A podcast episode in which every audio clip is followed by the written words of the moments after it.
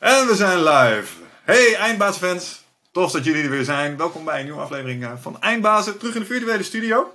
Uh, dit keer zit ik hier met uh, Rut de Jager. Uh, zij is country manager bij Storytel en weet echt ontzettend veel van ehm, nieuwe businessmodellen als het gaat om streaming content. Nou, dat doen we hier bij Eindbazen zelf ook wat mee in meerdere vormen. Dus het leek mij echt super cool om Rut daar eens over aan de tand te kunnen voelen vandaag. in de hoop daar zelf ook wat van op te steken weer. Uh, maar voordat we dat gaan doen, wil ik kort nog even een van onze sponsoren benoemen. Als je nou denkt, hé, hey, wat heeft die gast een puik uh, overhemd aan? Dat is onze kledingsponsor, Martinique. Uh, Martinique heeft echt een mooi assortiment. het zomerassortiment komt er ook weer aan. Dus als je denkt, nou, ik zou ook wel weer eens wat nieuwe kleertjes kunnen gebruiken. Want ik loop alleen maar mijn huispark rond de laatste tijd. Dat voelt toch op een bepaalde manier. Kan ik je zeker adviseren om eens een keer bij Martinique te kijken. die jongens en meiden daar, die hebben mooi spul. Ik ben er in ieder geval erg blij mee. Dus go check it out. Hey Rut, um, terug naar jou. Uh, leuk dat je er bent. Welkom. Dankjewel dat ik er mag zijn. Ja, um, nou, ik gaf het in de introductie al even kort aan. Um, het lijkt mij heel cool om jou te spreken als uh, specialist over iemand uh, die zich bezighoudt met customer journeys en met online mediakanalen en alles wat daarbij komt kijken. Um, maar ik vind het ook wel cool om even bij jou stil, met jou stil te staan bij, met je carrièrepad. Want ja, je, je hebt niet zomaar een functie. Je doet wat toffe dingen bij uh, Storytel. Ook niet zomaar het eerste, het beste bedrijf. Dus uh, daar waar ik graag even beginnen. Kun jij ons, uh, mij en de luisteraars, eens even meenemen in jou, wie jij bent, je carrièrepad en wat jou bezighoudt? Ja, nou, Rutte Jager, je had me al aangekondigd. geboren getogen Tukker, kom uit het oosten van Nederland. Oh, echt? ja. Waar precies? Uh, Almelo, geboren getogen. Almelo, letterlijk drankje uit het oosten van het land. Cola. Oh, leuk. Ja, ik, ik, ik zeg altijd, het oosten van het land. rechterkant van de IJssel is de juiste kant van de IJssel. Vind ik ja, vind ik ook. Ja, oké. Okay, mooie, okay. mooie. Ik onderweg. Ga verder. We zijn in het oosten. Leuk. Ja, oosten inderdaad. Ondernemersfamilie kom ik uit. Uh, vader en moeder allebei uh, eigen bedrijven gehad. Het is wel belangrijk om te weten van wie je bent, waar je vandaan komt. En hoe je vervolgens je carrière ook vormgeeft. Ik heb na het VWO heb ik commerciële economie ben ik, uh, heb ik, uh, ben ik gaan doen aan Windesheim in uh, Zwolle. Dus daar heeft ook mijn studententijd plaatsgevonden. Daar heb ik heel erg van genoten. Daarna ben ik na een, bijna een jaar de wereld te hebben rondgereisd, ben ik gestart bij Paramount Pictures als junior, junior product manager rental. Ik weet niet of je nog weet wat het überhaupt is. Dat zijn videotheken Home oh, entertainment ja, dvd's kwamen toen net in opkomst. Dus we begonnen precies met de overgang dat uh, dvd's veel groter werd dan VHS. En dat ja. enorm werd verkocht. En het was toen heel erg booming. Business heeft niet heel erg lang uh, stand gehouden. Want het maakte al snel plaats inderdaad voor digitale streaming services. Ja. Uh, nog een tijdje voor Universal Pictures gewerkt. En daarna heb ik de overstap gemaakt naar Ziggo. Dat was inderdaad ook een merk dat toen nog net gelanceerd werd. Toen nog helemaal niet bekend. Telco. En ik heb daar de content acquisitie gedaan voor het on-demand platform. En ook mee helpen denken over het opzetten van een on-demand platform. Uh, waar uh, zowel TVOD, waarbij je koopt per transactie een film, ja. maar ook uh, de TV-take, heette dat in de tijd. waarbij al de eerste streaming abonnementsvormen, dat je all-you-can-eat modellen. Dus als je kijkt, eigenlijk al met opkomst DVD, opkomst on-demand platform bij uh, Telco. En um, toen ik voor Ziggo werkte, ik ben altijd enorm HBO-fan geweest. Startte met Sex in the City, Sopranos, The Wire. En we hadden toen een oh. heel klein plukje content hadden wij toen op, uh, in de TV-take, hadden we dat geacquireerd. Nou, en dat vond ik zo fantastisch. Wij zijn uh, met een persstrip meegeweest, onder andere ook op het hoofdkantoor bij, uh, bij HBO. En daar zag ik wat ze in de US allemaal deden. Toen hebben we samen met Ziggo hebben wij toen HBO in Nederland gelanceerd. Niet zozeer ah. individuele series, maar echt als platform. Uh, ik, heb, ik heb vervolgens de overstap van Ziggo naar HBO gemaakt. Ben daar vijf jaar lang marketingdirecteur geweest verantwoordelijk voor uh, positionering, branding, mhm. lancering, series. Maar ook bijvoorbeeld uh, een van de grootste series in de tijd, uh, Game of Thrones, in Nederland gebracht. Dat heb ik vijf jaar gedaan. Daarna is HBO exclusief naar de combinatie UPC-Ziggo gegaan. Ja. heb ik na een jaartje freelance en toen bij Storytel terechtgekomen. En daar werk ik nu ook alweer ruim drie jaar. En dat ja. weer een geheel nieuwe trend. En in plaats van video nu audio. En het kent heel ah. veel overeenkomsten. Ook een aantal verschillen, maar de rode draad is altijd wel echt de afgelopen, nou zo'n tien jaar in mijn leven, de, de, de abonnementservices. Voor dan gaat het om video en nu inmiddels audio. En dat mhm. is inmiddels wel een specialiteit geworden, inderdaad. Dat wel je aankondiging zijn. Ja, dat kan ik me voorstellen. Ehm, ik, heb, ik heb twee vragen over je carrière. Ik mis er eentje die ik zelf vond opvallen toen ik eh, me aan het verdiepen was in je, in je cv op uh, LinkedIn. Lucky TV, iets wat uh, de meeste Nederlanders kennen. En toen dacht ik, oh wauw, was ze daarbij betrokken? Dat is grappig, want dat kennen de meeste mensen. Daar heb je ook nog iets gedaan. Ja, klopt. Ik heb inderdaad, ik heb na HBO, voordat ik bij Storytel startte, heb ik een jaar gefreelanced. waaronder voor Lucky TV. En ja, dat was fantastisch, want hij deed zijn theatertour. Uh, En daarbij was ik betrokken. Dus iets vinden, ah. uh, wel helpen met opzetten YouTube-kanaal en dergelijke. Ja. Uh, maar dat was inderdaad een freelance klus. Maar freelancen was niks voor mij. Ik merkte dat ik deed te veel tegelijkertijd. Of ik was aan het acquireren en dan was ik bang dat ik niet voldoende had. ik ben echt meer, ben ik achtergekomen, wat meer single focus. Eén merk, één opdracht. Daar kan ik veel meer mijn ei in kwijt dan dat ik... ik ben nogal perfectionistisch. Ik wil heel veel doen. Dat werkte iets minder in freelance voor mij. Kan ik me voorstellen, ja. ja. Hoe, uh, um, um, laat ik zeggen, je, bent, je komt uit een ondernemersgezin, toch? Ja, klopt. Was, was dat iets wat je van jezelf misschien toch vond dat je stiekem wel geprobeerd moest hebben? Want pap en mam waren ook ondernemer geweest, of viel dat mee? Nou, ik weet het eigenlijk niet. Ik denk dat ik, uh, want zij zijn echt ondernemer-ondernemer. Dus het hebben van een eigen bedrijf. Mijn moeder heeft een uh, aantal eigen echografiebureaus. Uh, wat meer medische sector zit zij. Mijn vader heeft een eigen aardappelhandel gehad. En zoals ik het ken, wilde ik het eigenlijk nooit. Want het is, eh, het is een soort kind. Wat, ja, je bent gewoon dag en nacht ben je bezig uh, met je eigen bedrijf. Het is keihard werken. Dus ik heb juist altijd gedacht van, nee, dat hoef ik, uh, dat hoef ik niet per se.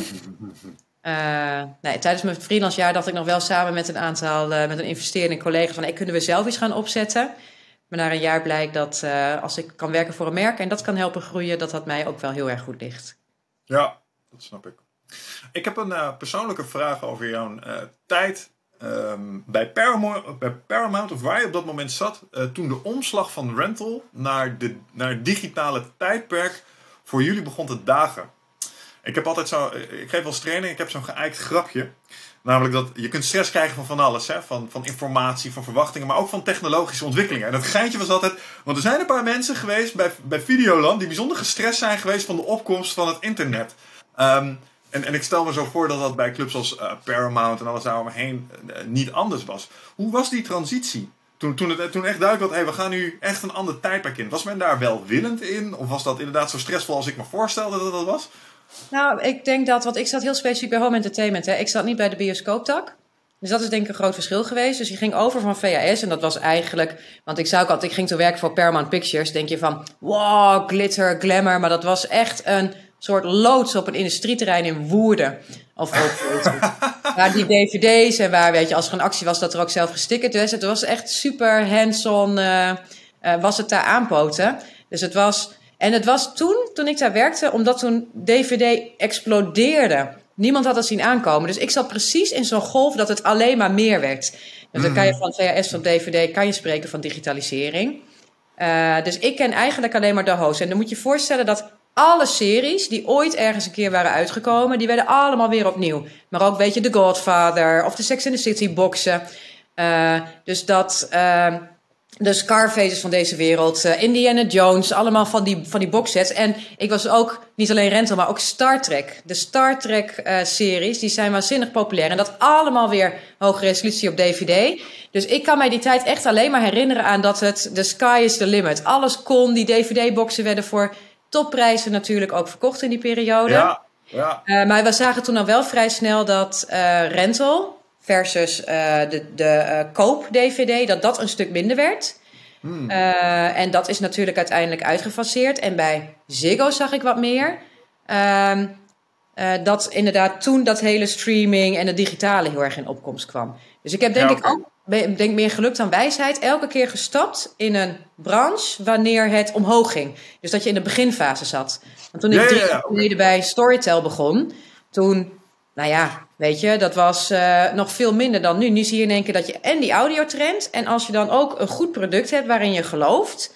en dat gezamenlijk op kan trekken... ja, dan heb je zo die, dat, ja, dan heb je dat het zo lekker gaat lopen. Dat voelt zo lekker. Dan kom je op die golf te staan. Ik ben geen surfer, maar kan me voorstellen dat daar een beetje mee te vergelijken is als ik een beeldspraak mag uh, omschrijven. Ik denk dat dat hetzelfde voelt als met het sleetje, wat we allemaal op dit moment wel even weer begrijpen. het heuveltje op zijn gelopen en eraf glijden. Dat voelt op een bepaalde manier. Dat is momentum. Ja, ik, ik snap hem helemaal. Momentum, beter woord. ja, het grappig dat je Star Trek noemt. Dus ik kan me die transitie goed herinneren. Ik, had, uh, ik, ik vind Star Trek zelf te gek. The Next Generation. Uh, wel vijf keer gekeken, alle seizoenen. Mijn vriendinnetje wordt er gek van. Die kunnen de tune meeneurien.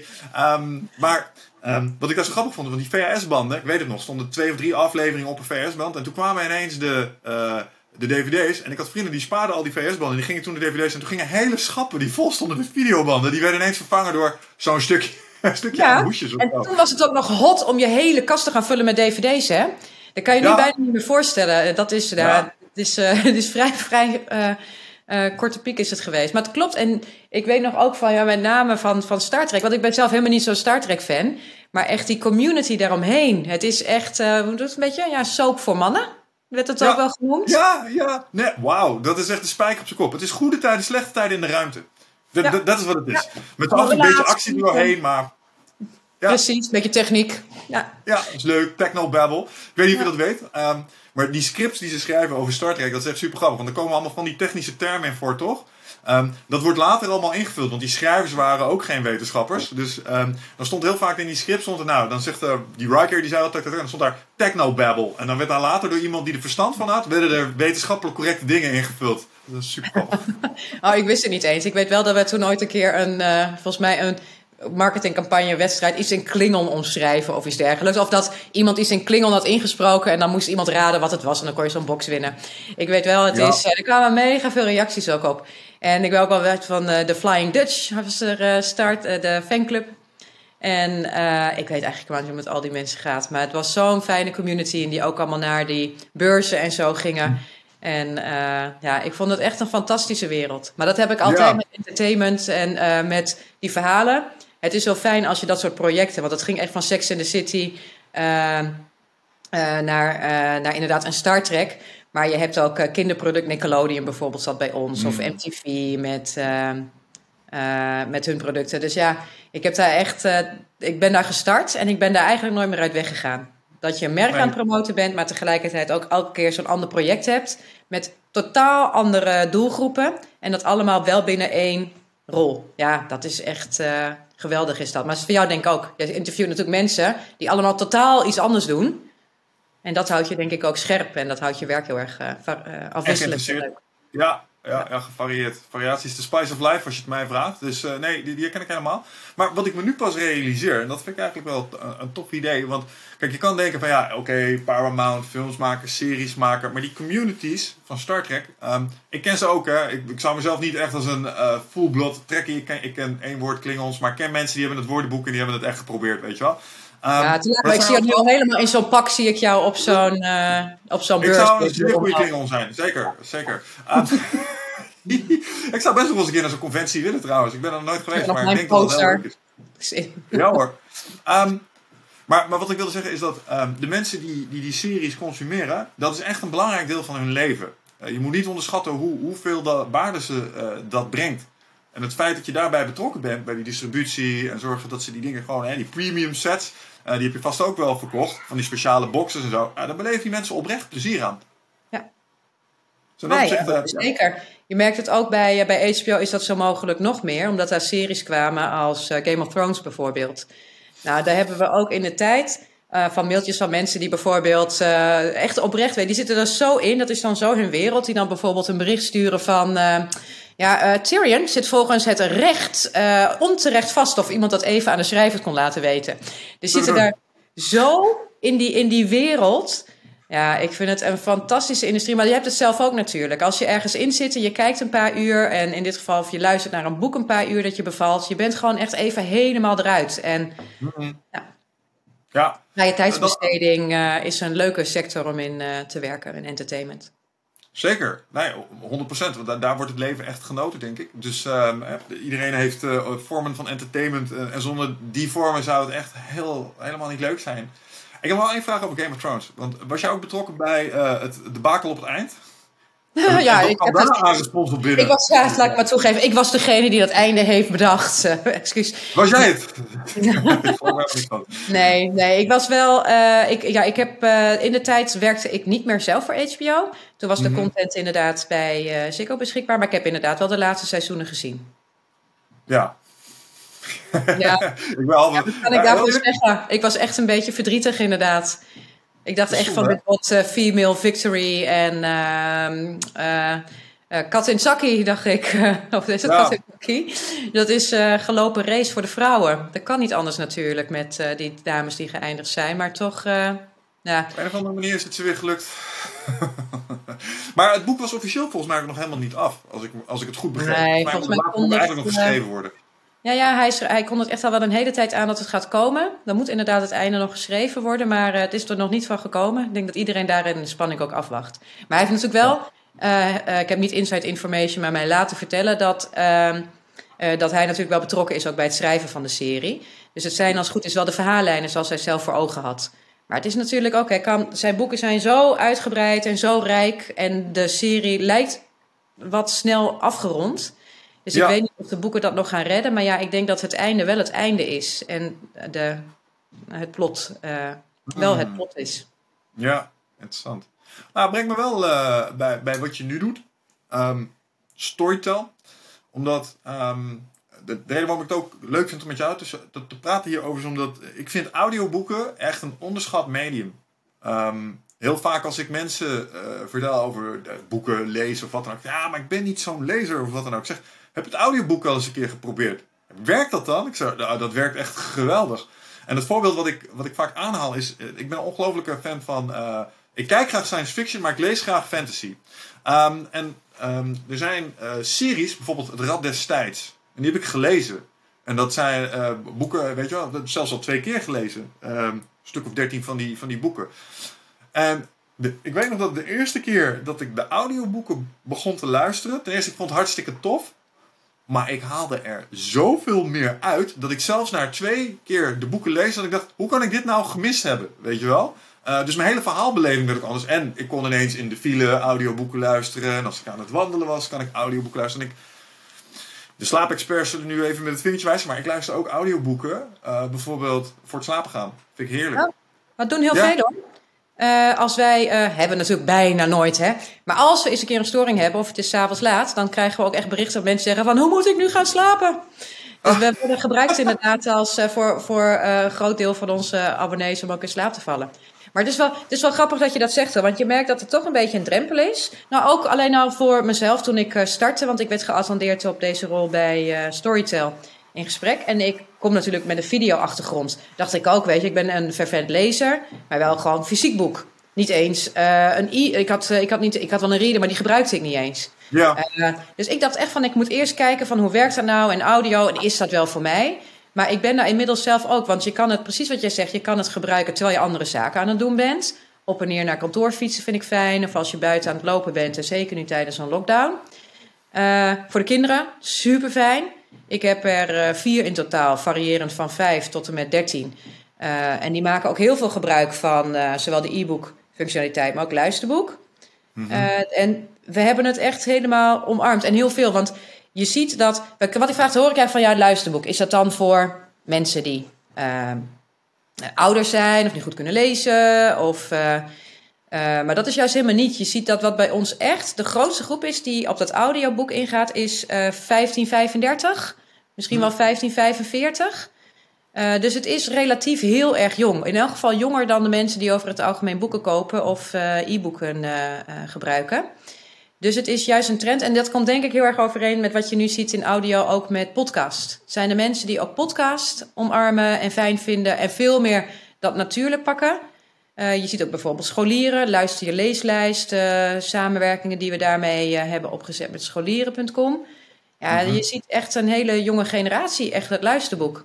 En staat dan niet los van elkaar, hè? want je ziet als mensen één keer gaan luisteren, dat ze dan ook wel weer vaker boeken kopen. Dit is overigens, heb ik dit uit een internationaal onderzoek bij Storytel Breed. Dit is niet specifiek -hmm. voor Nederland.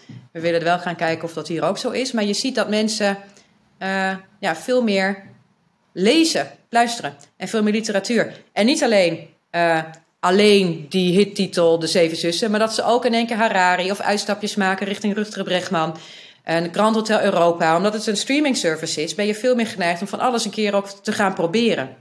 Mm Is er een ehm, trend te herkennen die ik meen te spotten in podcastland? Uh, maar dat kan een confirmation bias zijn, omdat wij in een bepaalde hoek zitten. We vinden sommige esoterische thema's ook interessant. Maar er lijkt een nieuwe hang te zijn naar intellectueel gedachtes. Dus nadenken over de, de, de wat moeilijkere dingen, maar ook over de wat technischere zaken. Uh, natuurkunde, filosofie, uh, esoterie. Uh, het lijkt erop alsof er wetenschap, het, lijkt erop alsof er meer interesse weer naar begint te ontstaan. Daar waar het ook wel, maar nogmaals, het kan een bias zijn vanuit het werk wat ik zelf doe. Is dat iets wat je terugziet in de cijfers? Ehm, want jullie zitten in 20 landen volgens mij, dus daar kun je vast wel iets zinnigs over zeggen dan. Ja, ik kan niet over alle landen spreken, want er is een enorm verschil in landen. Want we zitten echt ook in India, uh, Zuid-Korea, eh, Mexico, Brazilië. Uh, Ook landen dichter bij huis. Wat je ziet is dat wij wel wat lijken op de Scandinavische landen, alhoewel de digitale ontwikkeling daar een stuk verder is. En bovendien het luisterboek veel groter is dan e-book ook bijvoorbeeld. Dus dat is echt wel aanzienlijk anders dan in Nederland. Uh, sommige landen is de belezenheid, dus het gebruik van boeken, veel minder. In Nederland gaat iedereen als kind wel naar de bibliotheek. En 80% van de Nederlanders leest echt heus wel eens een boek ergens. Mhm. Als ik kijk bij onze trends op platform, dat um, is juist met name de breedheid. Als we kijken, we zijn met name jong, uh, stedelijk, niet zozeer randstedelijk, maar ook uh, steden als uh, Zwolle, waar ik zelf gestudeerd heb, maar ook Groningen, Leiden. we zien dat wij net een tikje meer richting hoogopgeleid neigen. Als we kijken in ons service, net iets meer vrouw dan man, ongeveer zo'n 60-40. Uh, maar zie ik met name de breedheid. Dus boeken als, wat ik net al even zei, Zeven Zussen. Is echt, uh, echt het nergens over nadenken, weg, lekker wegdromen. Doet het bij ons waanzinnig goed. Maar ja, ook Rutger Bregman, meeste mensen deugen. Maar ook zie je zelfontwikkeling. Dus ik kan niet zozeer zeggen van dat precies wetenschap bij ons enorme opkomst. Dan misschien wel populair wetenschappelijk.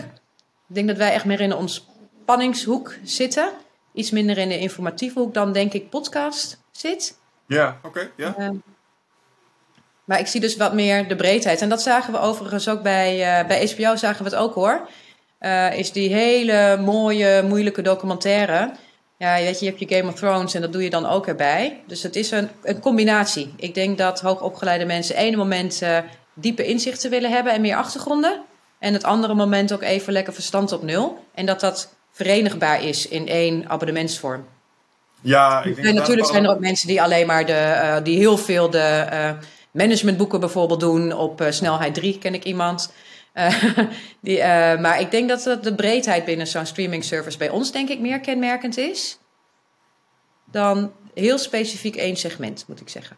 Ja, ja, de gedachte die net rees was, daar is de parallel met Netflix natuurlijk denk ik ook wel te trekken. Ik weet niet hoe jullie werken met algoritmes die dingen aanbieden. Maar wat mij altijd opvalt is dat als ik naar mijn ho homescherm kijk op Netflix, dat is behoorlijk schizofreen als je erover nadenkt. Het hele spectrum wordt beslagen. van de moeilijke documentaires tot de meest basale actiefilms die je kunt kijken. En sinds Wiggert, mijn co-host, zo af en toe ook de account gebruikt. Heel veel Woensel en Pip of zo. Hou eens mee op Wiggert. ja. voor zijn kleine.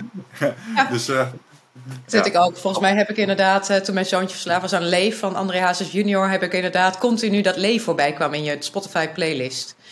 Ja, ik denk dat iedereen daar uh, wel tegenaan loopt. Maar in ja, dit geval...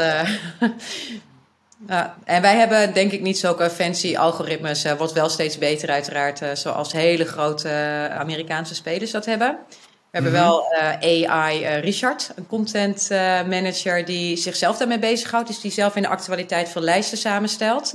En dat werkt echt fantastisch. Dus hij is begonnen, zie je echt dat dat gebruik en dat die lijsten heel goed lopen. Dus daar zijn we wel veel meer naar aan het kijken. Maar de techniek gaat snel hoor. Dus je ziet daar wel ja. steeds meer sprongen in gaan. ja, en ook in aanbevelingen van medegebruikers. Hè? Dus wie leed was, raad je het aan, hoeveel sterren... Uh, en niet alleen voor het verhaal en het boek, maar ook voor de inspreker. Dat maakt ook een heel erg groot onderdeel uit. Wie het inspreekt is natuurlijk super persoonlijk. Ja. Ja, en ik zei ook wel eens, want het is voor mensen die dat niet. De, weet je, ik, heb, ik ken nog de luistercassette. Weet je, dat je die vroeger als kind, of dat je voorgelezen wordt door je ouders, maar daarna word je eigenlijk nooit meer voorgelezen. En het is zo intiem dat je dan die ervaring dat je gewoon iemand die jou een verhaal aan het vertellen is. Ja, en dat uh, is natuurlijk ook een kunst, dat inspreken en het vertellen van een verhaal. Even kijken of jij en ik eenzelfde referentiekaart delen. Uh, als jij zegt die cassettebandjes, moet ik meteen denken aan die boeken met een rode achterkant. dat je, je zo'n ping hebt en dat je die dan moet omslaan.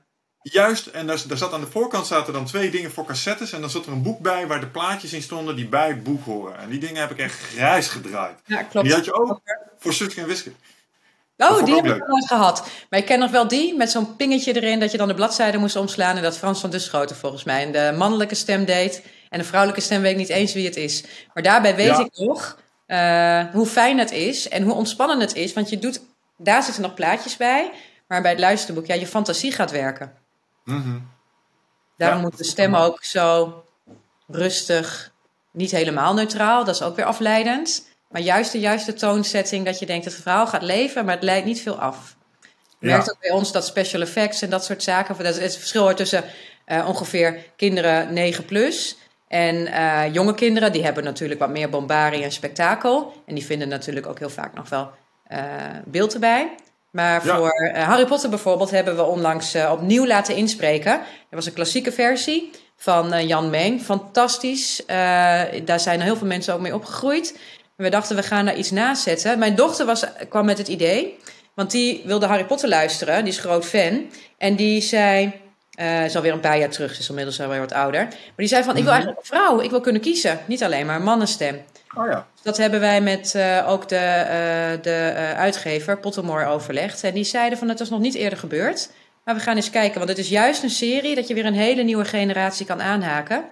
Er is een lange zoektocht geweest, maar uiteindelijk Shuman Fatal heeft het ingesproken. Het is echt een totaal andere kleur. En je merkt aan het mhm. begin ook een beetje discussie van... hé, hey, wat is nou beter? Maar daarna zie je dat zeker die hele jonge nieuwe lezersgroep... waarbij Harry Potter weer speelt... ja, die vinden het gewoon geweldig weer.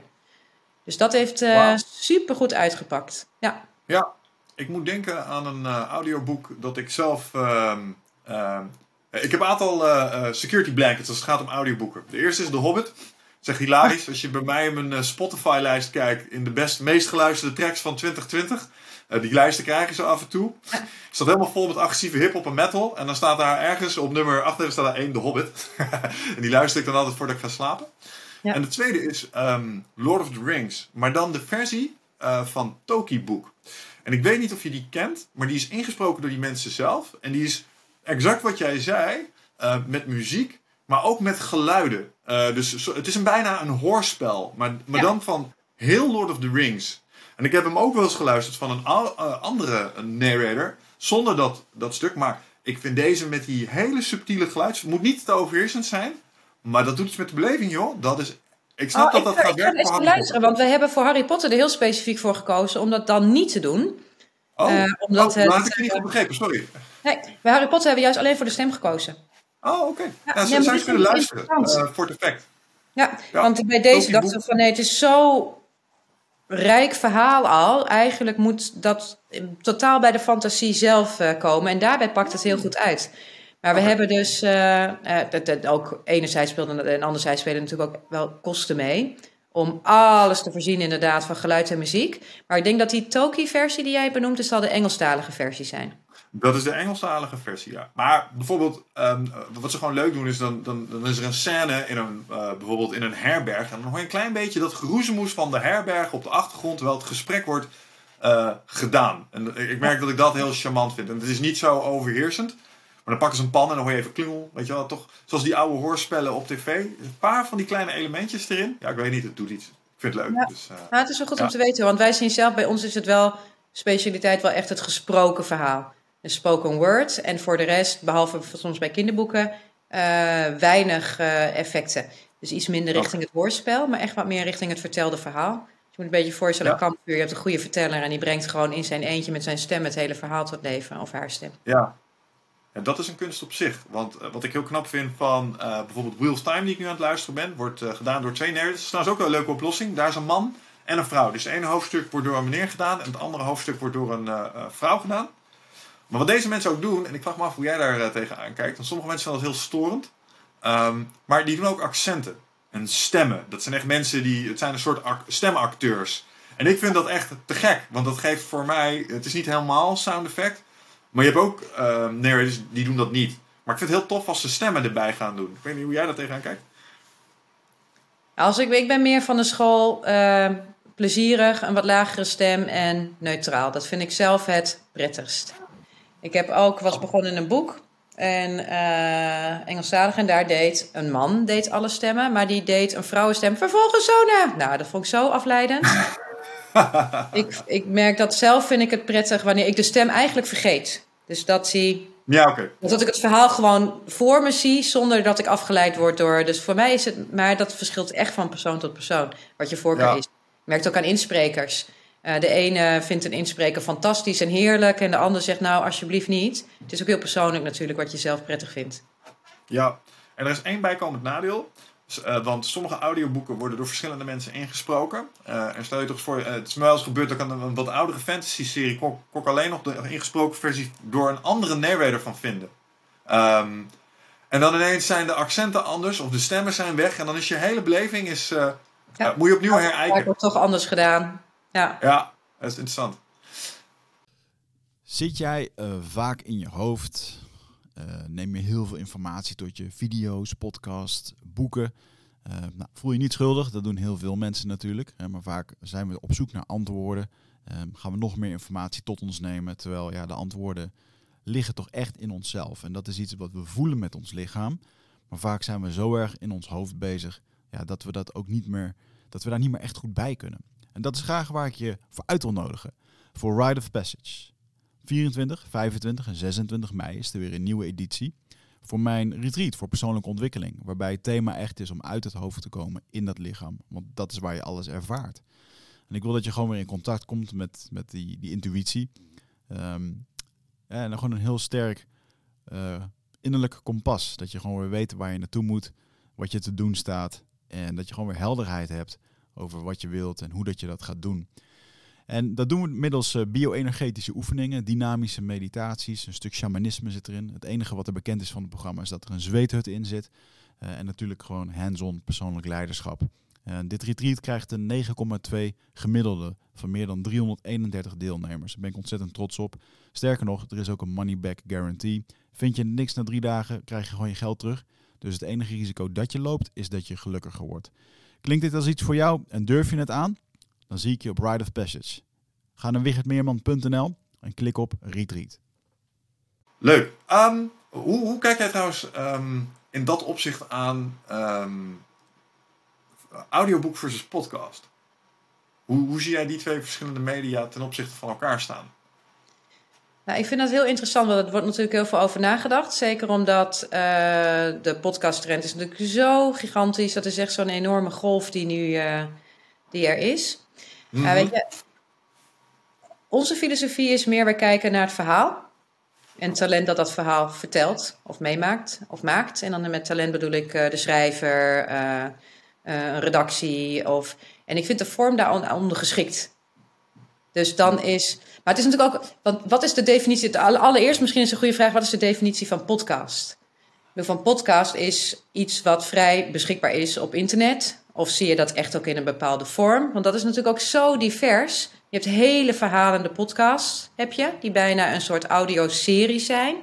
Tot en mm. met echt wat meer wat wij nu doen, is gewoon mensen die dingen bespreken, non-scripted. Uh, en ik denk dat dat ook een enorm verschil uitmaakt. Dus als je het hebt over het luisterboek, zitten wij wat meer op uh, verdieping, tijdloos, uh, scripted. bij Storytel Originals label zitten we echt audio first. Maar over het algemeen is het vaak de verhalen die al vaak opgeschreven zijn, die voorgelezen worden. Ik denk dat dat onze core is en dat dat heel specifiek niet zo heel erg onder de noemer podcast valt.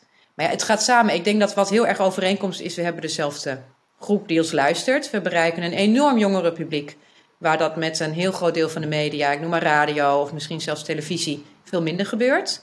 Dus ik denk mhm. dat dat heel erg overeenkomt. Uh,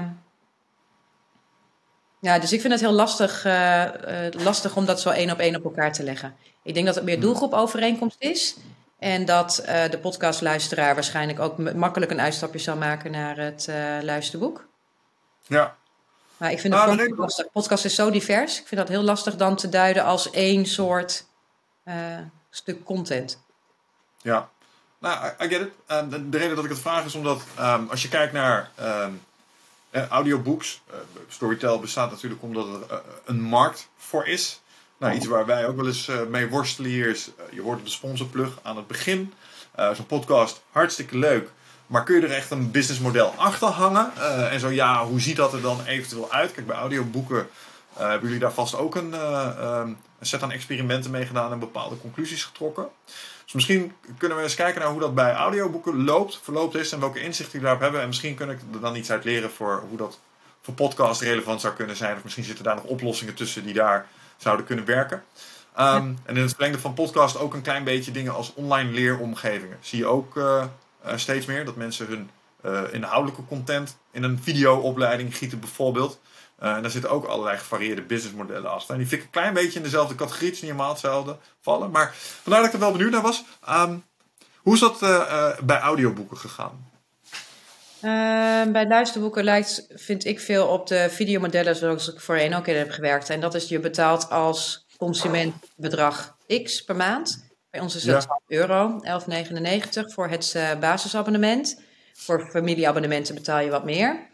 Mhm. En uh, daarvoor, dat bedrag wat je int, doe je een deel. Uh, het grootste gedeelte daarvan gaat terug naar de rechthebbende van de content die bij jouw platform staat. Schrijvers, uitgeverijen uh, en andere rechthebbenden met wie je soms samenwerkt. Maar dit zijn wel de grootste. Dus daar gaat veruit het grootste gedeelte naartoe. En een deel gebruik je om je app te onderhouden, te servicen. En een deel gaat naar marketing om je naamsbekendheid te vergroten en ook mensen binnen te halen en met name ook te behouden. Dat is binnen abonnementservice. Dus dat is de expertise. Dat is uh, waar ik altijd heb gewerkt en voor Storytel ook, is per, de, is per definitie advertentievrij. Mensen betalen een bedrag per maand en dat is mm -hmm. ons model. Ja. uh, inmiddels zitten we wereldwijd op ruim anderhalf miljoen actieve gebruikers. Prijzen verschillen wereldwijd. Sommige landen zijn ze wat lager, Scandinavische landen wat hoger. Wij zitten zo ongeveer in de middenmoot. Maar kan je ongeveer nagaan wat het dan per maand ongeveer op een grote hoop oplevert en wat ertussen mm komt. Wat we nu ook zien is dat we ongeveer 30% per jaar groeien. Verwachting is ook dat dat zal doorzetten. Heb ik het over Storytel groep breed, maar ook wel Nederland verwacht ik dat en België waarin we actief zijn. Dus mhm. dat is een hele mooie additionele omzet uh, in een markt die wat meer stabiel is. De fysieke boekenmarkt in Nederland en in sommige landen naar beneden gaat. Digitale markt is er natuurlijk ook. Dus ik zie uh, dat groei, dat, dus dat model werkt voor ons heel erg goed. En dat is natuurlijk essentieel verschil van het podcastmodel. Want natuurlijk hebben wij ook wel gekeken van, hey, podcast, wat kunnen we daarmee? Wat willen we mhm. daarmee? Uh, past dat in een abonnementsmodel? Uh, in Denemarken is een initiatief ook voor een oud, van de oude oprichter van Movibo, Podimo, waarbij ze daar podcast in een abonnementsmodel brengen. Ik weet echt niet hoe mhm. dat gaat, maar ik weet dat er geëxperimenteerd wordt met die vorm. Uh, Spotify is natuurlijk heel erg actief uh, met podcast. En volgens mij staat het verdienmodel nu nog niet daar, maar volgens mij is daar ook wel geruchten over misschien dat dat in een apart abonnementsmodel gaat. Ja, en natuurlijk denken we wel van, hey, is het voor ons relevant om uh, dat verdienmodel bij ons op het platform te bieden? Of is podcast zo in de beleving een betaald iets en is het voor ons niet zo essentieel om allemaal maar podcasts bij ons op het platform te gaan zetten? Want die weten podcastluisteraars wel te vinden, maar veel met de kruisbestuiving op te zoeken. Want ik denk dat onze boodschap naar podcastgebruikers van... hey, podcast vind jij een fijne ervaring, probeer het luisterboek eens. En wel hiermee. We experimenteren wel, eens, eh, wel degelijk met vorm. Met Marjan Huske hebben we een uh, uh, meer podcastachtige sessie, interviewsessie gedaan... Met over zware meiden, vrouwen in de criminaliteit. Met Anna Nushin hebben we ook een podcastachtige opzet over einde van de wereld... verweven met haar levensverhaal en haar moeder daarin. Dus we zitten wel heel erg naar de vorm te kijken. Ook Scripted met Dag en Nacht Media, ook een uh, goede speler in de podcast uh, maakindustrie. Met Georgina Verbaan. En dat was echt een scripted spannend verhaal. Ook met soundscape en dat soort effecten. Mm-hmm. Dus we kijken wel met name naar talent in de markt. En kijken of zij ook bij ons op het platform wat kunnen maken of kunnen betekenen. En omgekeerd, ja, als ze echt interessante verhalen. Maar we hebben daar nog niet een kant en klaar van oké, zo zouden we het voor ons zien. Ik denk dat de markt zo ook een ontwikkeling is, dat we ook kijken van oké, wat, uh, wat is onze positie daarin? En onze positie nu is veel meer. Wij willen, wij willen heel graag samenwerken met talent om nieuw audio, uh, nieuwe uh, verhalen naar buiten te brengen, waarbij het audioformat leidend is. Dus daar kijken we wel degelijk naar. En natuurlijk kijken we ook wel met marketing en advertenties van oké, hoe bereiken we de podcastluisteraar het beste? Dus daar kijken we ook wel aan de marketinghoek. Maar we zijn twee bedrijven in Nederland. Hè. We hebben een publishing tak en een uh, streaming tak.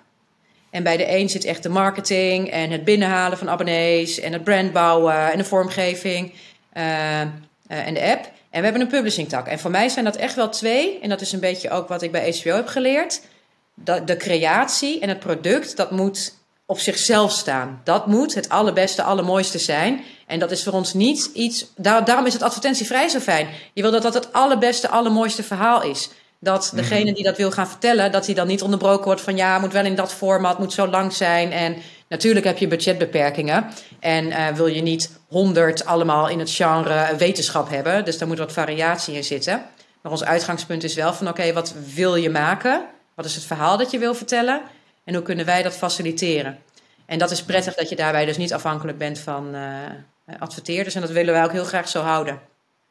Ja, kan ik, kan ik me heel goed voorstellen. Um, waar ik nog eens zat te denken, wat misschien wel een interessante vorm voor jullie zou zijn, waar ik zelf interesse zou hebben, is um, als ik een bepaald boek heb gelezen, dan zou ik het echt heel tof vinden om de auteur daar misschien nog eens wat extra achtergrondinformatie of een een bijbehorend interview over te horen geven. En dat je uh, bij een audioboek dat soort podcasts vanuit de auteur aanbiedt. En dat die wel achter, dat die exclusief zijn voor iets als Storytel. Dus een stukje, dat, dat zie ik andere podcasts wel eens doen. Achter effort of achter paywalls, een stukje exclusieve content. En dat is dan niet de hele tijd, uh, maar in een speciale gelegenheid. Bijvoorbeeld een boek of uh, wat dan ook. En misschien kan het daar iets doen in, uh, in je aanbod. Want uh, als ik zie dat bepaalde auteurs die ik heel hoog heb zitten, een aanvullend stuk werk wat ik. Want laten we bijvoorbeeld mensen die ik op het internet volg, Jocko Willing, Jordan Peterson, als die boeken uitbrengen, dan koop ik die. Als ze luisterboeken hebben, zou ik ze luisteren. Als jij een interview zou hebben met die mensen wat ik er, ergens anders niet kan horen, oh, dat zou voor mij toch wel een duitje in het zakje doen. als ik maar fan genoeg ben, weet je wel? Ja. Nou, wij hebben wel Storytel Meets, waarbij uh, we heel veel uh, schrijvers, makers, uh, soms ook insprekers interviewen. Die bieden wij breed aan. Dus die zetten wij niet alleen, die, of tenminste die zetten wij niet op het platform, maar die gebruiken wij meer om een breed spectrum aan mensen te bereiken. Mm -hmm. dus nu nog niet heel specifiek op het platform. En dat zou er ook zijn, weet je, achtergrondinformatie, weet je, als je de boeken van Astrid Holleder, er is ook een podcast natuurlijk met haar dochter wordt er gemaakt.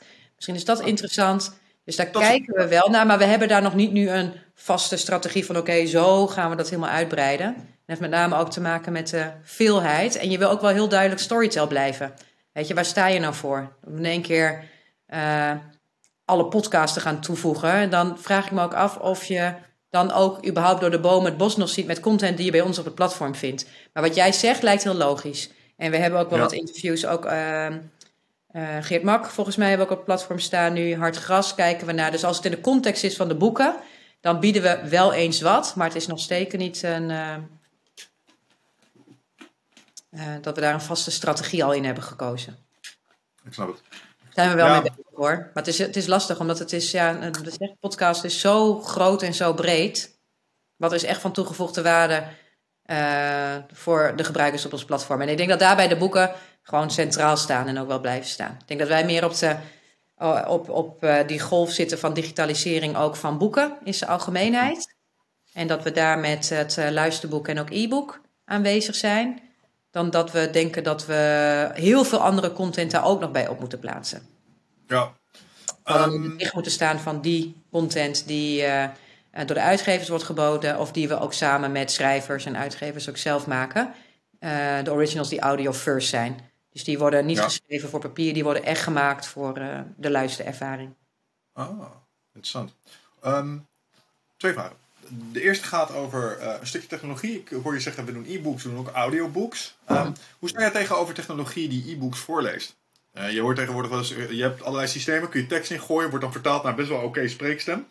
Is dat technologie die jullie overwegen om bepaalde boeken misschien toch ook in het gesproken woord te krijgen? Nee, niet op dit moment. Dat wil niet zeggen dat we de technologische ontwikkelingen niet volgen en kijken of ze op een gegeven moment zo goed zijn dat het echt een heel plezierige luisterervaring. Weet je, mensen betalen bij ons 12 euro per maand en uh, wij zitten niet zozeer op de kwantiteit. Hebben we ook al heel veel, dus makkelijk zeggen wanneer je al honderdduizenden mm. boeken op je platform hebt staan. Maar echt wat meer op de kwaliteit. Want als je wat luistert en als je wat aanbeveelt, wil je dat het ook heel goed ingesproken is. En op dit moment is nog steeds wel de menselijke stem. En we maken ook gebruik vrijwel altijd van, uh, van acteurs, getrainde stemmen, die goed op de hoogte zijn wat een stem doet, wat het kan doen. En uh, dus daar maken we nu gebruik van. Maar als die ontwikkeling uiteindelijk zo groot is, ik kan me met name met keuze voorstellen, omdat het persoonlijk is. Als, als uiteindelijk de ontwikkeling, maar volgens mij is dat ook nu nog, zou het eerst waarschijnlijk zijn dat één iemand het inspreekt en dat je binnen die variatie van de stem juist iets hoger kan, iets lager. Uh, Of dat je misschien, weet je, vrouw-mannenstem.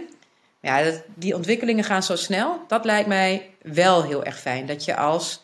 Uh, dus ik, wat, het ene wat jij zegt lijkt er meer op zoveel mogelijk laten inlezen. Dus de veelheid en dat dat snel gaat, het uh, in audio vervatten van boeken. Terwijl wij wat meer zitten, oké, wij willen optimale beleving geven. Dus wij verwachten wat meer af dat de technologie zo is dat het van toegevoegde waarde is voor je luisterervaring. Oké, ja. Ja, dat is een visie. Omdat ik weet, uh, ik, ik, de naam van de device ontschiet me, maar ik weet dat er een e-reader is. En dat ding kan je, uh, kan je gewoon een e-book mee downloaden. Maar je kan ook zeggen, lees dit voor. En dan leest hij gewoon uh, om het even wat, gaat hij gewoon zitten voorlezen voor jou. En er zijn een aantal boeken die zijn gewoon niet te vinden als audioboek. Ja. en dan zou ik zo'n functie wel oké okay vinden. En als Storytel zoiets zou kunnen bieden voor hun collectie e-books, om, om het even welk boek uh, zou, ik daar, zou ik dat interessant vinden. Snap je? Dus vandaar dat ik me even afvroeg hoe je tegen die technologie aankijkt. Ja, ik denk dat als echt iets ontbreekt, ja, het, het is denk ik de afweging die je maakt. Het boek dat er niet is, of is het dan beter om even een, twee maanden te wachten en dat boek waar vraag naar is, om dat goed te gaan inspreken? Ja, nou, als je het me op mijn meest fanatieke moment had gevraagd, had ik gezegd dat wachten, dat duurt me echt lang. Ik wil het nu. Maar ik, eh, nee, ik, snap, ik snap helemaal wat je zegt.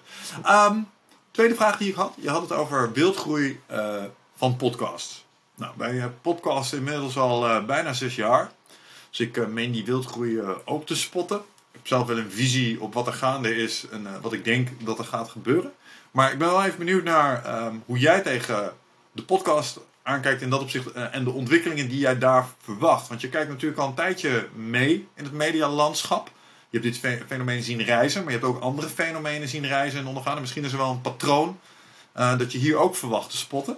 Um, hoe denk jij dat dit gaat lopen? Nou, ik zou het echt veel liever aan jou willen vragen. En dan ben ik echt serieus. Mijn expertise zit echt wat meer in het premium betaalmodel. En hmm. ik vind het heel lastig te zien. Uh, het is, het is echt, echt een andere business dan waar mijn ervaring ligt. Dus ik zie de doelgroepen overeenkomen. Ik zie, het, ik zie interessante ontwikkeling. Maar ook het advertentiemodel is helemaal niet mijn expertise. Dus ik ben veel meer benieuwd van oké, welke trend zie jij? Uh, en dan kan ik daar misschien op, op aanhaken. Of dat overeenkomstig is met de trends die ik bijvoorbeeld binnen video en andere zaken heb gezien. Ik weet het namelijk niet goed. Ik durf echt niet te zeggen van uh, oké, het, gaat met het gaat allemaal in een abonnementsmodel. Uh, ik weet wel dat het huidige verdienmodel niet stand kan houden. Dus er moet ergens een verdeelmodel zijn waardoor de makers uh, enerzijds nou ja, gewoon kunnen uh, brood op de plank hebben, maar ook gefaciliteerd worden om grotere, betere, mooiere producties te maken. Ja. Nu geloof ik ook een deel door NPO. Maar dat ben ik met name, weet je, waar, waar gaat het verdienmodel uiteindelijk vandaan komen? Ja, Um, nou, dat zie ik. denk ten eerste waarom werken podcasts? Podcasts werken omdat ze door mensen worden gemaakt die ergens echt heel enthousiast en authentiek over zijn. Dat is waarom ze werken.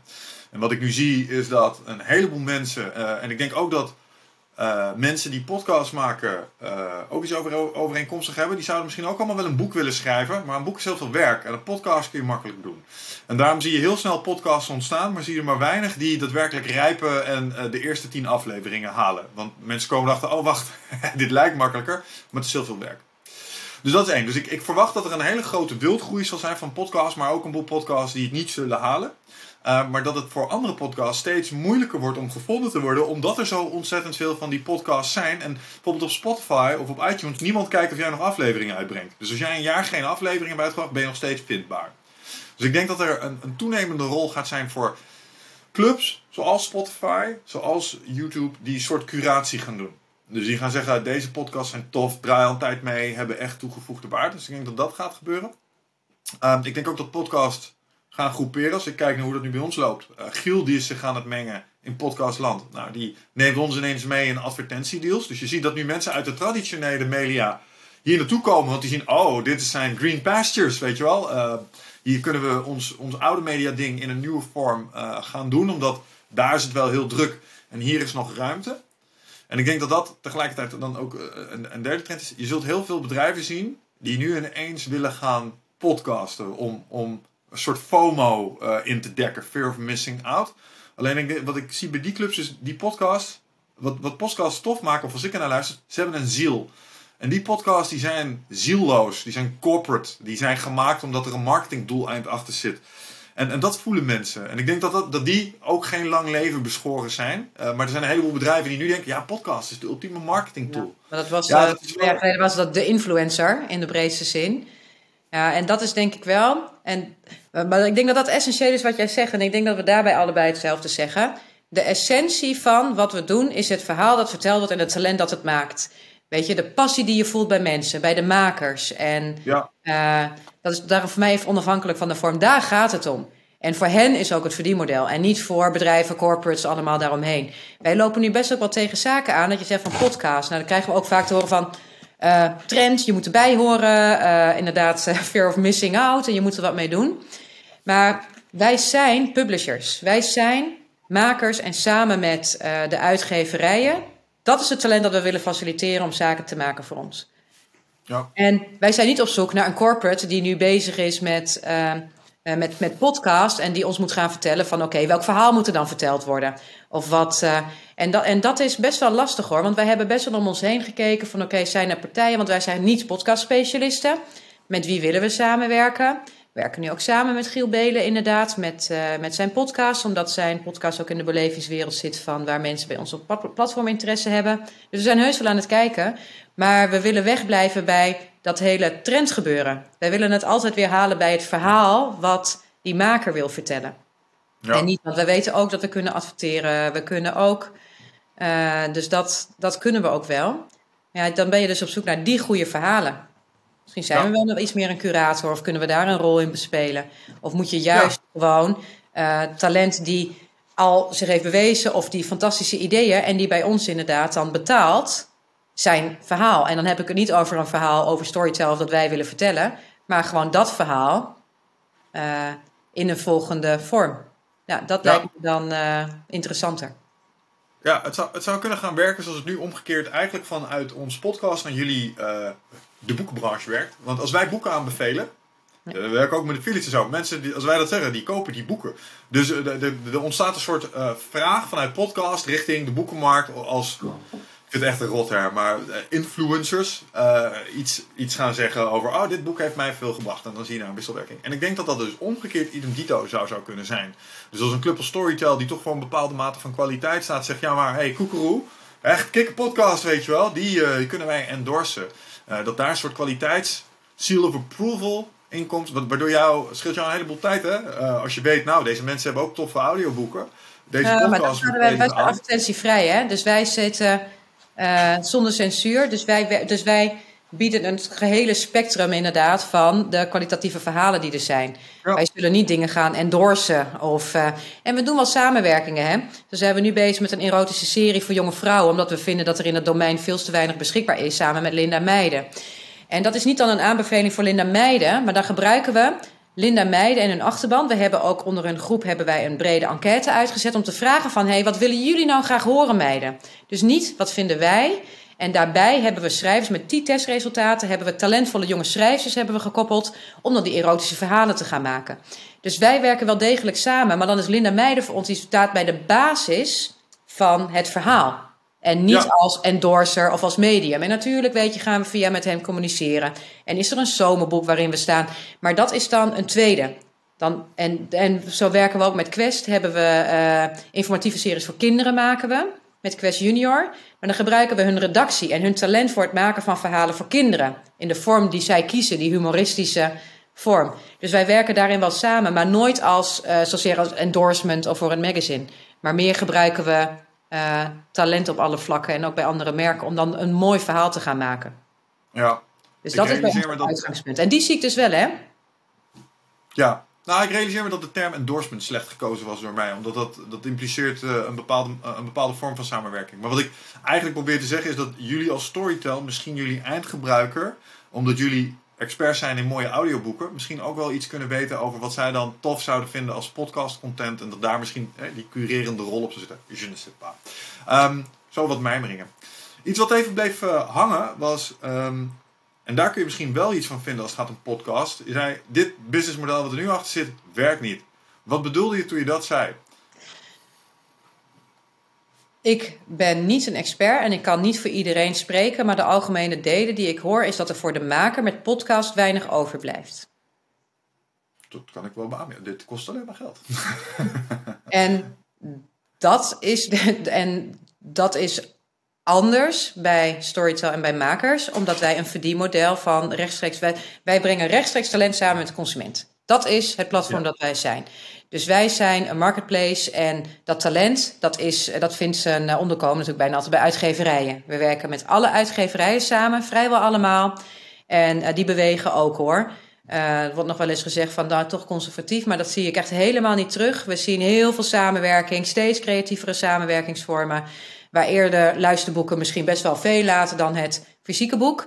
Uh, werken we nu echt heel erg samen om juist die luisterverhalen uh, goed te promoten. En dat veel meer naar voren te brengen. Dus wij zien daar, en de schrijvers die zij natuurlijk in een stal hebben, kost ook jaren om ze te ontwikkelen. En daar is wel degelijk dus een verdienmodel in. Omdat daar gewoon 12 euro uh, per maand wordt neergelegd per gebruiker. Ja. En daarom wil je niet een enorme verwatering van je platform. Dan wil je niet een enorme berg rommel erop gaan zetten. Je wil juist die kwaliteit bieden. En als daar goed naar geluisterd wordt, dan is dat voor die maker. En, dan, en, dat wordt, en er wordt alleen maar goed naar geluisterd wanneer het een goed verhaal, uh, wanneer het goed wordt ingesproken. Dus wij zitten daar veel meer op dat. Nou, ik vind het een beetje, een, het kan ook heel uh, hol woord zijn, premium. Maar dat is bij gebrek aan beter is dat wel waar wij heel erg op inzetten. En dat wil niet zeggen dat podcast dat niet is hoor. Uh, want ik denk dat daar heel veel kwaliteit ook tussen zit. Maar ja, het is wel de vraag van oké, okay, zijn mensen bereid daar ook echt zelf voor te betalen? Of is het echt wat meer in het gratis domein? Maar ja, het kan natuurlijk mhm. ook een platform zijn. Het is ook een soort kweekvijver van talent of van verhalen die misschien nog veel meer ontdekking behoeven. En daar kunnen wij dan weer misschien een rol. Dus ik zou daar, uh, ja, dat vind ik veel interessanter. Want ja. ja. Ja, en natuurlijk um, voor een podcaster zelf is het natuurlijk meer als de monetaire waarde. Hè? Ik bedoel, uh, het feit dat ik hier met jou mag zitten uh, en weer een uur lang uh, het brain van een specialist mag pikken over dingen die mij boeien als persoon, is van onschatbare waarde. Um, en wat podcasts ook een beetje doen, is wat ons wel eens verteld is door auteurs die al wat ervaring hadden, zoals bijvoorbeeld een Jos Burgers of een Remco Klaassen. Dat zijn mensen die hebben al best wat boeken verkocht. Zeg ja, heel eerlijk. En ik denk, ik denk misschien dat dat met audioboeken ook zo is, omdat er vaak uitgevers tussen zitten. Ik ben zelf ook een boek aan het uitgeven. Ik weet hoe royalties werken. Um, dus daar zitten ook nog uh, schakels tussen. Maar um, het boek op zich is ons dan verteld. Gezondheid. Dankjewel. Daar word je niet zozeer rijk van. Um, het zijn meer de dingen die je uit voortvloeien voor een auteur. En ik denk dat dat voor podcasters ook wel een beetje is. Ik doe dit samen met Wichert normaal gesproken. Nou, uh, in tijden van COVID is dat iets minder. Maar bijvoorbeeld een Wichert die heeft best wel veel lezingen kunnen geven. Uh, naar aanleiding van deze podcast. En omdat fans zijn boek hebben gekocht. Uh, en dat soort zaken. Dus misschien is dat ook wel een benefit voor podcast. Uh, en onderbelicht in het businessmodel. Want als ik zeg, kijk, advertentie, inkomsten zoveel. uitgaven zoveel. Ja, is niet winstgevend. Maar er zijn ook waardevolle componenten anders dan de monetaire waarde natuurlijk. En het is ook soms indirect dat je er financieel ja, beter van wordt. Misschien is dat wel, de, de boekenbranche bestaat natuurlijk al veel langer dan de podcastbranche. Misschien is dat wel een, een, een uitkomst, dat dat meer georganiseerd, dus dat je uh, hmm. een soort uitgevers krijgt waarin talent zich gaat verenigen. En waarbij je ja. een huis kan maken en dat je dan het verdienmodel makkelijker kan afstemmen. Of het nou is via advertenties grote partijen of afstemmen met platformen om daar betaald op te staan. En dat je uh, daarmee meer lancering. Want klopt hoor wat je zegt. Lang, lang niet alle schrijvers kunnen daarvan rondkomen. Sterker nog maar een klein gedeelte. Maar als je dat organiseert, kan je daar misschien inderdaad lezingen of andere bijeenkomsten. Heb je neveninkomsten. Of je gaat mhm. net zoals uh, Lucky TV, dat is dan tv, ga je weer een theater ga je in. Of je gaat aan andere zaken samenwerken. En dat is natuurlijk ook wel mooi als je dat allemaal bij elkaar brengt, talent. Want die hebben vaak zulke creatieve ideeën of uh, weer zaken die je kan gaan doen. Ja, kruisbestuiving. Dat, nou ja, dat, uh, dat, dat er uiteindelijk. Uh, en ik denk dat kaf van koren, weet je, dat weten mensen ook wel te vinden. Alleen omdat, en dat is natuurlijk wel fijn van digitale platformen, mensen bevelen elkaar dingen aan. Ja. Uh, je hebt altijd een paar van die, weet je, zo heb ik een zwager die altijd weet wat de nieuwste series zijn die je moet gaan kijken. En zo hebben mensen, denk ik, ofwel in real life of digitaal, altijd wel personen waar je naar luistert. Net als je Spotify playlist, uh, dan hoef je ook niet ja. allemaal zelf meer te gaan bedenken. Ja, ik denk dat dat ook met podcast natuurlijk zo is. Ja, ja, ik denk het ook wel. Ik bedoel, uh, ik weet dat mensen podcasts zijn geluisterd omdat ik ze heb aanbevolen. En andersom, ik luister podcasts omdat mensen mij daarop getipt hebben. Dus je hebt in je persoonlijke netwerk ook al een aantal curatoren. Hetzelfde met boeken overigens. Het zijn boeken die ik direct lees als bepaalde personen ze aanbevelen. Dus uh, ja, dat, uh, dat kan ik helemaal plaatsen. Um, interessant. Ik, um, het blijft fascinerend. Het blijft een beetje puzzelen zo af en toe uh, met de podcast. Waar ik nog een uh, vraag over had, is... Um, stel je bent een auteur en je wil een audioboek. Ik ga een boek uitbrengen. Ik zit bij Ter Haven. Ter Haven is bij jullie aangesloten? Uh, dus voor sommige auteurs zal er een route via een, een uitgever zijn. Maar ik denk het wel, maar ik weet deze niet met 100% zekerheid. Dus dat, dat, moet, nee, dat, dat blijf ik je even schuldig. ik denk het haast wel. Ja, want ik, ik heb daar inderdaad gemerkt... uitgevers zijn helemaal niet zo oudbollig als je daar misschien in zou verwachten. Sterker nog, die hebben de nieuwe media echt uh, volledig omarmd. E-books, audioboeken. Ik word er helemaal in, uh, in, in, meegenomen. Dus ik heb altijd verwacht, ja, uh, als ik een audioboek moet opnemen voor ze, dan zal het ongetwijfeld ook worden gedistribueerd. Dus ik hoef me daar niet zo'n zorgen over te maken. Dat is heel prettig. Maar ik weet dat voor iemand die het zonder uitgever doet, ziet het er weer heel anders uit. Um, maar zijn die mensen ook gewoon in staat om met jullie in samenwerking audioboeken te publiceren? Of in ieder geval te distribueren via jullie platform? Of moet het altijd via een uitgever lopen? Kan beide. Uh, oh, Storytel Originals doen we ook rechtstreeks met schrijvers. Heel veel schrijvers zijn ook freelancers. Uh, korte verhalen doen we bijvoorbeeld met een groot aantal schrijvers. Maar we, maar we werken ook samen via uitgeverijen. Dus kan beide. Dus het is ook wel meer de samen. En daarom ook, dat, daarbij bij ons is ook weer het verhaal uh, leading. Wat is het verhaal dat we gaan moeten, wat we willen maken? Is het, weet je, willen we dat er ook een fysiek? En dat laten we heel vaak over aan het talent dat het maakt, hoe diegene het fijnst werkt met een uitgever. Vaak hebben ze ook een eigen redacteur waarmee ze fijn samenwerken. Sommigen vinden het ook prima om met onze redacteuren samen te werken. Dus ja, het is. Het, en weet je, deze worden ook steeds, omdat we nu groter zijn en meer een aanwezigheid, worden ook de verhalen die je vertelt groter of met mensen die uh, andere ideeën daarover hebben. Dus we willen dat gewoon faciliteren. Dus het is een beetje een vaag antwoord, maar eigenlijk is het meer aan het verhaal en het talent. En als we daarin geloven, dan gaan we kijken hoe we dat het beste kunnen insteken. En dat kan dus ja. of direct, of dat kan via de uitgever. Het kan met een fysiek boek. Het kan uh, alle vormen. We zijn nog, nog creatievere vormen ook aan het kijken met meer soundscape. Dus ja, het is meer als het verhaal het ten goede komt, zijn alle samenwerkingsvormen mogelijk. Maar de eerste ja. uitgangspunt is wel inderdaad uh, kwaliteit van het verhaal dat verteld wordt in de verhaallijn ja. Ja. Ja, oké. Ja, de vraag was ook even mede namens mijn uh, co-host. Uh, wij brengen allebei boeken uit. Uh, zijn boeken uit op zoek naar antwoorden. Fantastisch boek trouwens. Luisteraars, als jullie het nog niet gekocht hebben, op zoek, van, op zoek naar antwoorden. Wigert Meerman, go check it out. Um, sowieso een fantastisch boek dat ook echt heel erg mooi in aanmerking zou komen voor soundscapes. Wigert is 40 dagen in de Amazone geweest. Bij een stam, bij een inheemse stam. En is hij in de leer gegaan bij een lokale shamaan. en hij vertelt daar in zijn lezing ook heel mooi over. En dan laat hij die jungle geluiden en zo ook horen. Doet hij geleide meditaties mee. Het is echt super cool. Maar hij is ook bezig geweest met zijn audioboek opnemen. Ja. Um, en natuurlijk nu wordt de volgende vraag: ja, waar ga je dat ding dan distribu distribueren en dergelijke? Maar dat zou bij Storytel dus maar zo kunnen. Als jullie het verhaal vet genoeg vinden, begrijp ik. Ja. Ah, tof. Ja. Nou, en, ook, uh, uh, en natuurlijk doen wij een kwaliteitscheck, hè? want als het al opgenomen is, weet je, je wil dat het inderdaad sure. uh, een beetje aan de standaard. Maar dan is het ook, weet je, bij de, bij de luisteraar zelf, hè, die bij ons zijn. Dus wij bieden het uh, in, in lijsten of in gecureerde lijsten. En dan, uh, ja, weet je, als mensen het aan elkaar ja. aanbevelen, dan uh, kan het zomaar zijn dat het door het dak gaat natuurlijk bij ons. En dit klinkt in elk geval al heel fascinerend, moet ik op zijn minst zeggen. Dit boek bedoel je? Ja. Nou ja, als je kijkt naar op... een Amazone. Ja, nou, heel eerlijk, als je kijkt naar, naar onze. even terug naar de podcast. en wat de, de, onze podcast liet werken. Uh, als ik daarop reflecteer, dan denk ik dat dat komt. Ik zei het al, een stukje authenticiteit en openheid. En met name Wiggert uh, is, um, kun je wel als een soort space cowboy omschrijven. Vooral voorheen. Psychonaut, avonturier. Vind dat soort dingen te gek. En onze best beluisterde podcasts gaan dus inderdaad over uh, de avonturen die hij daarin beleefd. Omdat het het is een vet verhaal, weet je wel. je zit er helemaal in, vooral als Wigert het vertelt, die, die kan dat zo mooi brengen. Maar je, je bent even in de jungle. Jij zit even midden in die ceremonie. En ook jij staat op dat moment even in contact met Yushibu, de grote bosgeest waar die over vertelt op dat moment. En dat vind ik er zo kicken aan. En, en, mensen die vinden dat fascinerend. En daarom komen ze dus naar dit soort podcasts luisteren. Omdat als de mensen die het echt beleefd hebben het ook vertellen, dan zit er iets in. En het is moeilijk om te duiden, maar dat is wat het laat werken. Nou ja, maar iedereen dus, kent toch net die ene eh, persoon in zijn omgeving die gewoon getalenteerde, ja, wat je zegt, rasvertellers zijn. Die gewoon, als ze daar zitten en dan komt zo'n verhaal tot leven. En dat is inderdaad die magie waar je naar op zoek bent bij elk verhaal dat je tot je neemt. Uh, Daarom zijn die stemmen ook zo van belang. Want lang niet elke schrijver is even geschikt ook om zijn boek zelf in te spreken. Vaak doen ze nog wel eens een voorwoord of een omleiding, uh, inleiding. Ik had bijvoorbeeld ook Michelle Obama ingesproken door zichzelf. Zij is op zich helemaal niet zeg maar dat zij de mooiste stem. Natuurlijk een beetje zo'n typisch accent. Maar omdat zij mm. het dan zelf vertelt, is het dan weer ook van toegevoegde waarde. Maar daar moet je heel erg naar op zoek gaan. Weet je, waar verrijkt het het verhaal en waar kan je kiezen beter voor een uh, iets andere afslag? Maar rasvertellers, ja, dat wil je, die wil je hebben.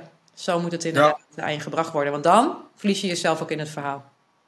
Ja, en ben je wel eens tegengekomen dat het echt uh, een auteur zelf uh, abominabel was? Dat je moest vertellen, nou, ik weet niet, dit gaan we niet doen. Het gebeurt wel eens, want dan, nou ja, je hebt best wel, je hebt best wel veel mensen die zeggen, hey, ik heb echt een heel fijne stem. Ik hoor van mensen dat ik een heel plezierige stem heb. Oh ja. uh, dat klopt. En ook schrijvers die het dan zelf denken van ja, het is toch je eigen verhaal. En sommige zijn echt fantastisch, hè. Maar je hebt ook dat ze dat dan zelf proberen en dan terugluisteren. En dan ook wel zelf tot de conclusie komen. Eén, het is een kunst, want je zit best wel in jezelf. Je moet voorlezen. Dus je moet ook gewoon een beetje goed kunnen voorlezen. Niet met veel fouten en vaak terug. Dus dat is al wel fijn als je dat een beetje in je mhm. hebt. Maar ook, ja, daarom gebruiken we toch meestal toch acteurs en opgeleide acteurs. Omdat die stembeleving, dat is iets niet wat je zomaar hebt. En je kan heel goed je eigen kind voorlezen. Maar dat is toch anders dan een heel verhaal helemaal dragen. Zeker als het een wat complexere verhaallijnen of het is wat meer gevarieerd. Ja, lang niet iedereen kan dat. Maar heel vaak komen mensen er zelf achter hoor. Dan horen ze zich terug. Ja. hebben één keer in zo'n hok gezeten en gedacht, wow, weet je. En dan doen je wel de inleiding, weet je. En dan uh, ga je toch voor, wat, uh, voor, voor andere stemmen voor het hele verhaal. Ja, het is gewoon, je moet het ook een keer gedaan hebben. Ik dacht zelf ook van, ah, weet je, dat doe je zo even. Maar het is gewoon heel moeilijk. En ook om je concentratie, weet je. Want voordat je het weet, uh, zit je naar twee bladzijden. Dan weet je niet meer wat je de bladzijde ervoor hebt gelezen. En wordt het heel monotoon. Dat moet je natuurlijk ook weer niet hebben. Dus je moet het ook dat je urenlang zo bezig kan zijn. En sommige insprekers, die kunnen echt drie uur achter elkaar. Zoals een Inge Ipenburg. En sommigen die zeggen na een uur, ja, weet je, echt elke keer pauze en even weer die aandacht erbij pakken. Dus daar moet je mhm. natuurlijk ook uh, beleving uh, zelf bij krijgen als acteur. Hij is ook echt een vak apart hoor, stemacteur. Ja, heb ik nog, heb ik nog een vraag over. Wat vind jij van uh, auteurs die hun eigen boek inspreken, maar dan ook de vrijheid nemen om op sommige punten nog wat uit te wijden? Want dat zou voor mij ook een reden zijn om een audioboek te willen. Ehm, ik heb zelf ook stukjes van moeten oplezen, presentaties ingesproken. En ik merk dan, dan hou ik me niet, ga ik off script. Omdat ik vind, ja, oh ja, dit was ik nog vergeten erbij te zetten hier. Uh, wat hier eigenlijk ook bij hoort, is tak, tak, tak, tak. En dan is het dus niet meer helemaal mee te lezen. En, en komt er wat extra aanvulling in. Ik vind dat heel erg leuk. Daar zit waarde in voor mij. Hoe zie jij dat? Ja, ik weet je, dat vind ik een hele lastige. Want wij houden ons over het algemeen aan het script en zijn er onvolkomenheden in staan of fouten in staan. Bij Harry Potter opname, je zal het niet geloven, is zoveel drukken al geweest. Vinden we toch nog kleine foutjes erin. En die overleg met de uitgever, uh, verbeter je die dan en pas je die aan. Uh, ja, ik weet niet, ik vind het heel lastig, maar dat is ook hetzelfde als director's commentary. Ik ben daar nooit zelf een fan van geweest. En als, het, als persoon vond ik dat altijd, ik wil gewoon me verliezen in dat verhaal. Dus ik hoef niet uitweidingen of afleidingen. Ja.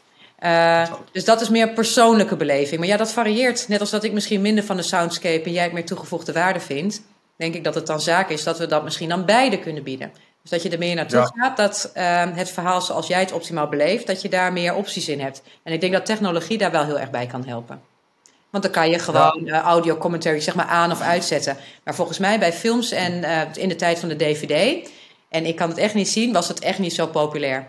Was het wel grappig soms en ik weet dat vrienden wel eens een avondje doorzakken en dan zo'n director's commentary van een film die je al een paar keer hebt gezien.